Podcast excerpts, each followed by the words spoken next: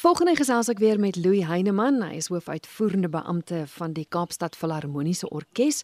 En Louis, julle het nou kort op die hakke van die herfsseisoen, het julle die winter simfonie seisoen. Maar soos ek verstaan, het die vorige een besonder goed gedoen.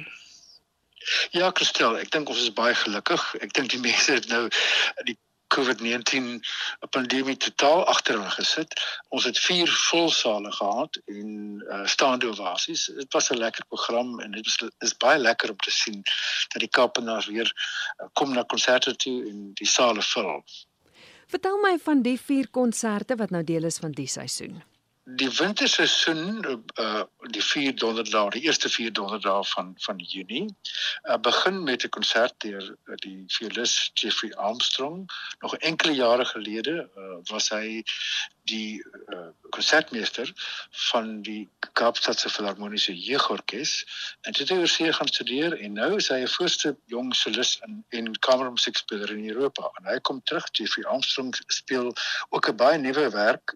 Uh, hy speel die wêreldpremier van Matthys van Duyk uh, se nuwe vioolkonsert dit is baie belangrik dat ons uh, jong Suid-Afrikaanse komponiste 'n uh, kans gee om hulle werk ten toon te stel.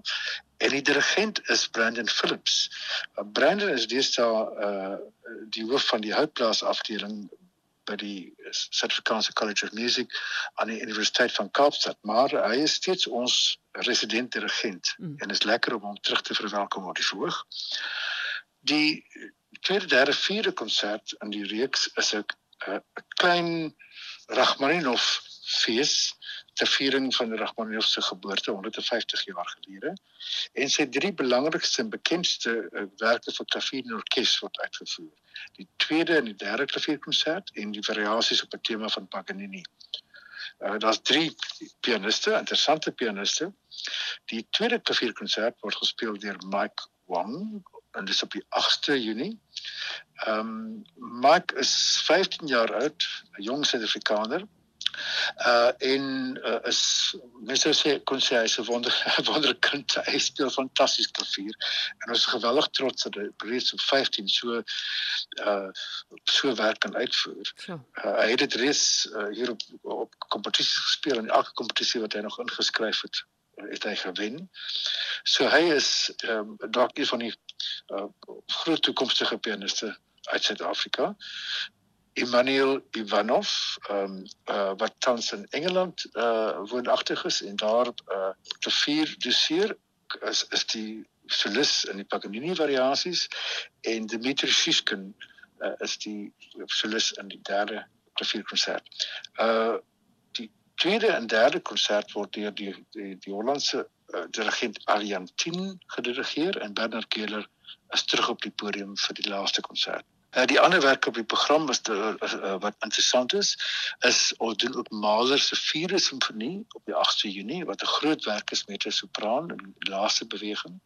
Dis 'n tamelike uitdaging. Ons kan nie altyd bekostig om so baie Mississippi se hoogte uh, kry nie. Uh, Mahler 4 word nie dikwels uitgevoer nie, uh, maar um, ons is baie trots dat ons uh, nou en dan wel groter werke kan doen. Hmm ons doen ook Bartok se konserto vir orkes. Dis 'n interessante konserto uh, waar al die verskillende instrumente in die orkes 'n klein deeltjie kry om as 'n konsert soos 'n solo instrument saam met die orkes op te tree. Ehm um, en ons daar's 'n bietjie beter van ook daarom uh, Beethoven se 8de simfonie wat nie so dikwels uitgevoer word nie. En die simfonie van nommer 41 die Jupiter van Mozart. So dis 'n interessante program. Ek dink ons sal gaan hopelik weer vol wees. Mm. Dit is weer in die stadsaal en uit die aard van die saak die konserte wat vroeër geskuif het na 7:30 toe, dit werk goed want dit is weer die geval, né?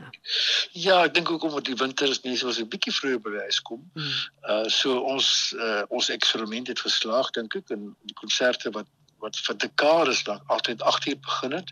Ek dink mense se se gewoontes verander 'n bietjie en en 7:30 pas almal blykbaar goed. Ja. En daar's weer vooraf gesprekke. Ja, ons het uh, kwart voor 7 uh, uh, kan mense na die uh, gesprek op 'n uh, 'n uh, klein of, of uh, pre-concert talk, dis ons noem, uh, kom luister en en dit het so gegroei en so gewild geword dat ons nou 'n ander lokaal in die stad sal moet kry. Ons beskuif nou van een van die lokale op die tweede vloer, ons skuif ons na die banketsaal. Uh ons kry tot 250 mense wat na die uh na die vooraf selfs ek in 'n bespreking kom luister. Dit word aangebied deur John Buttel uh en Albert Kombrink om die beurt en albei is uh is uitstekend en mense geniet dit geweldig baie. Louis, as ons dalk net gou weer kan praat oor die kaartjies. As as jy net een konsert wil bywoon of as jy al vier wil bywoon, hoe werk dit en waar kry jy mens kaartjies? Wel op die oomblik by CompuTicket. Ehm um, mens kan ook as as in die, in die Kaap kan kan is dit maklik om uh, bel as ek te bel hier by by Kunste Kaap.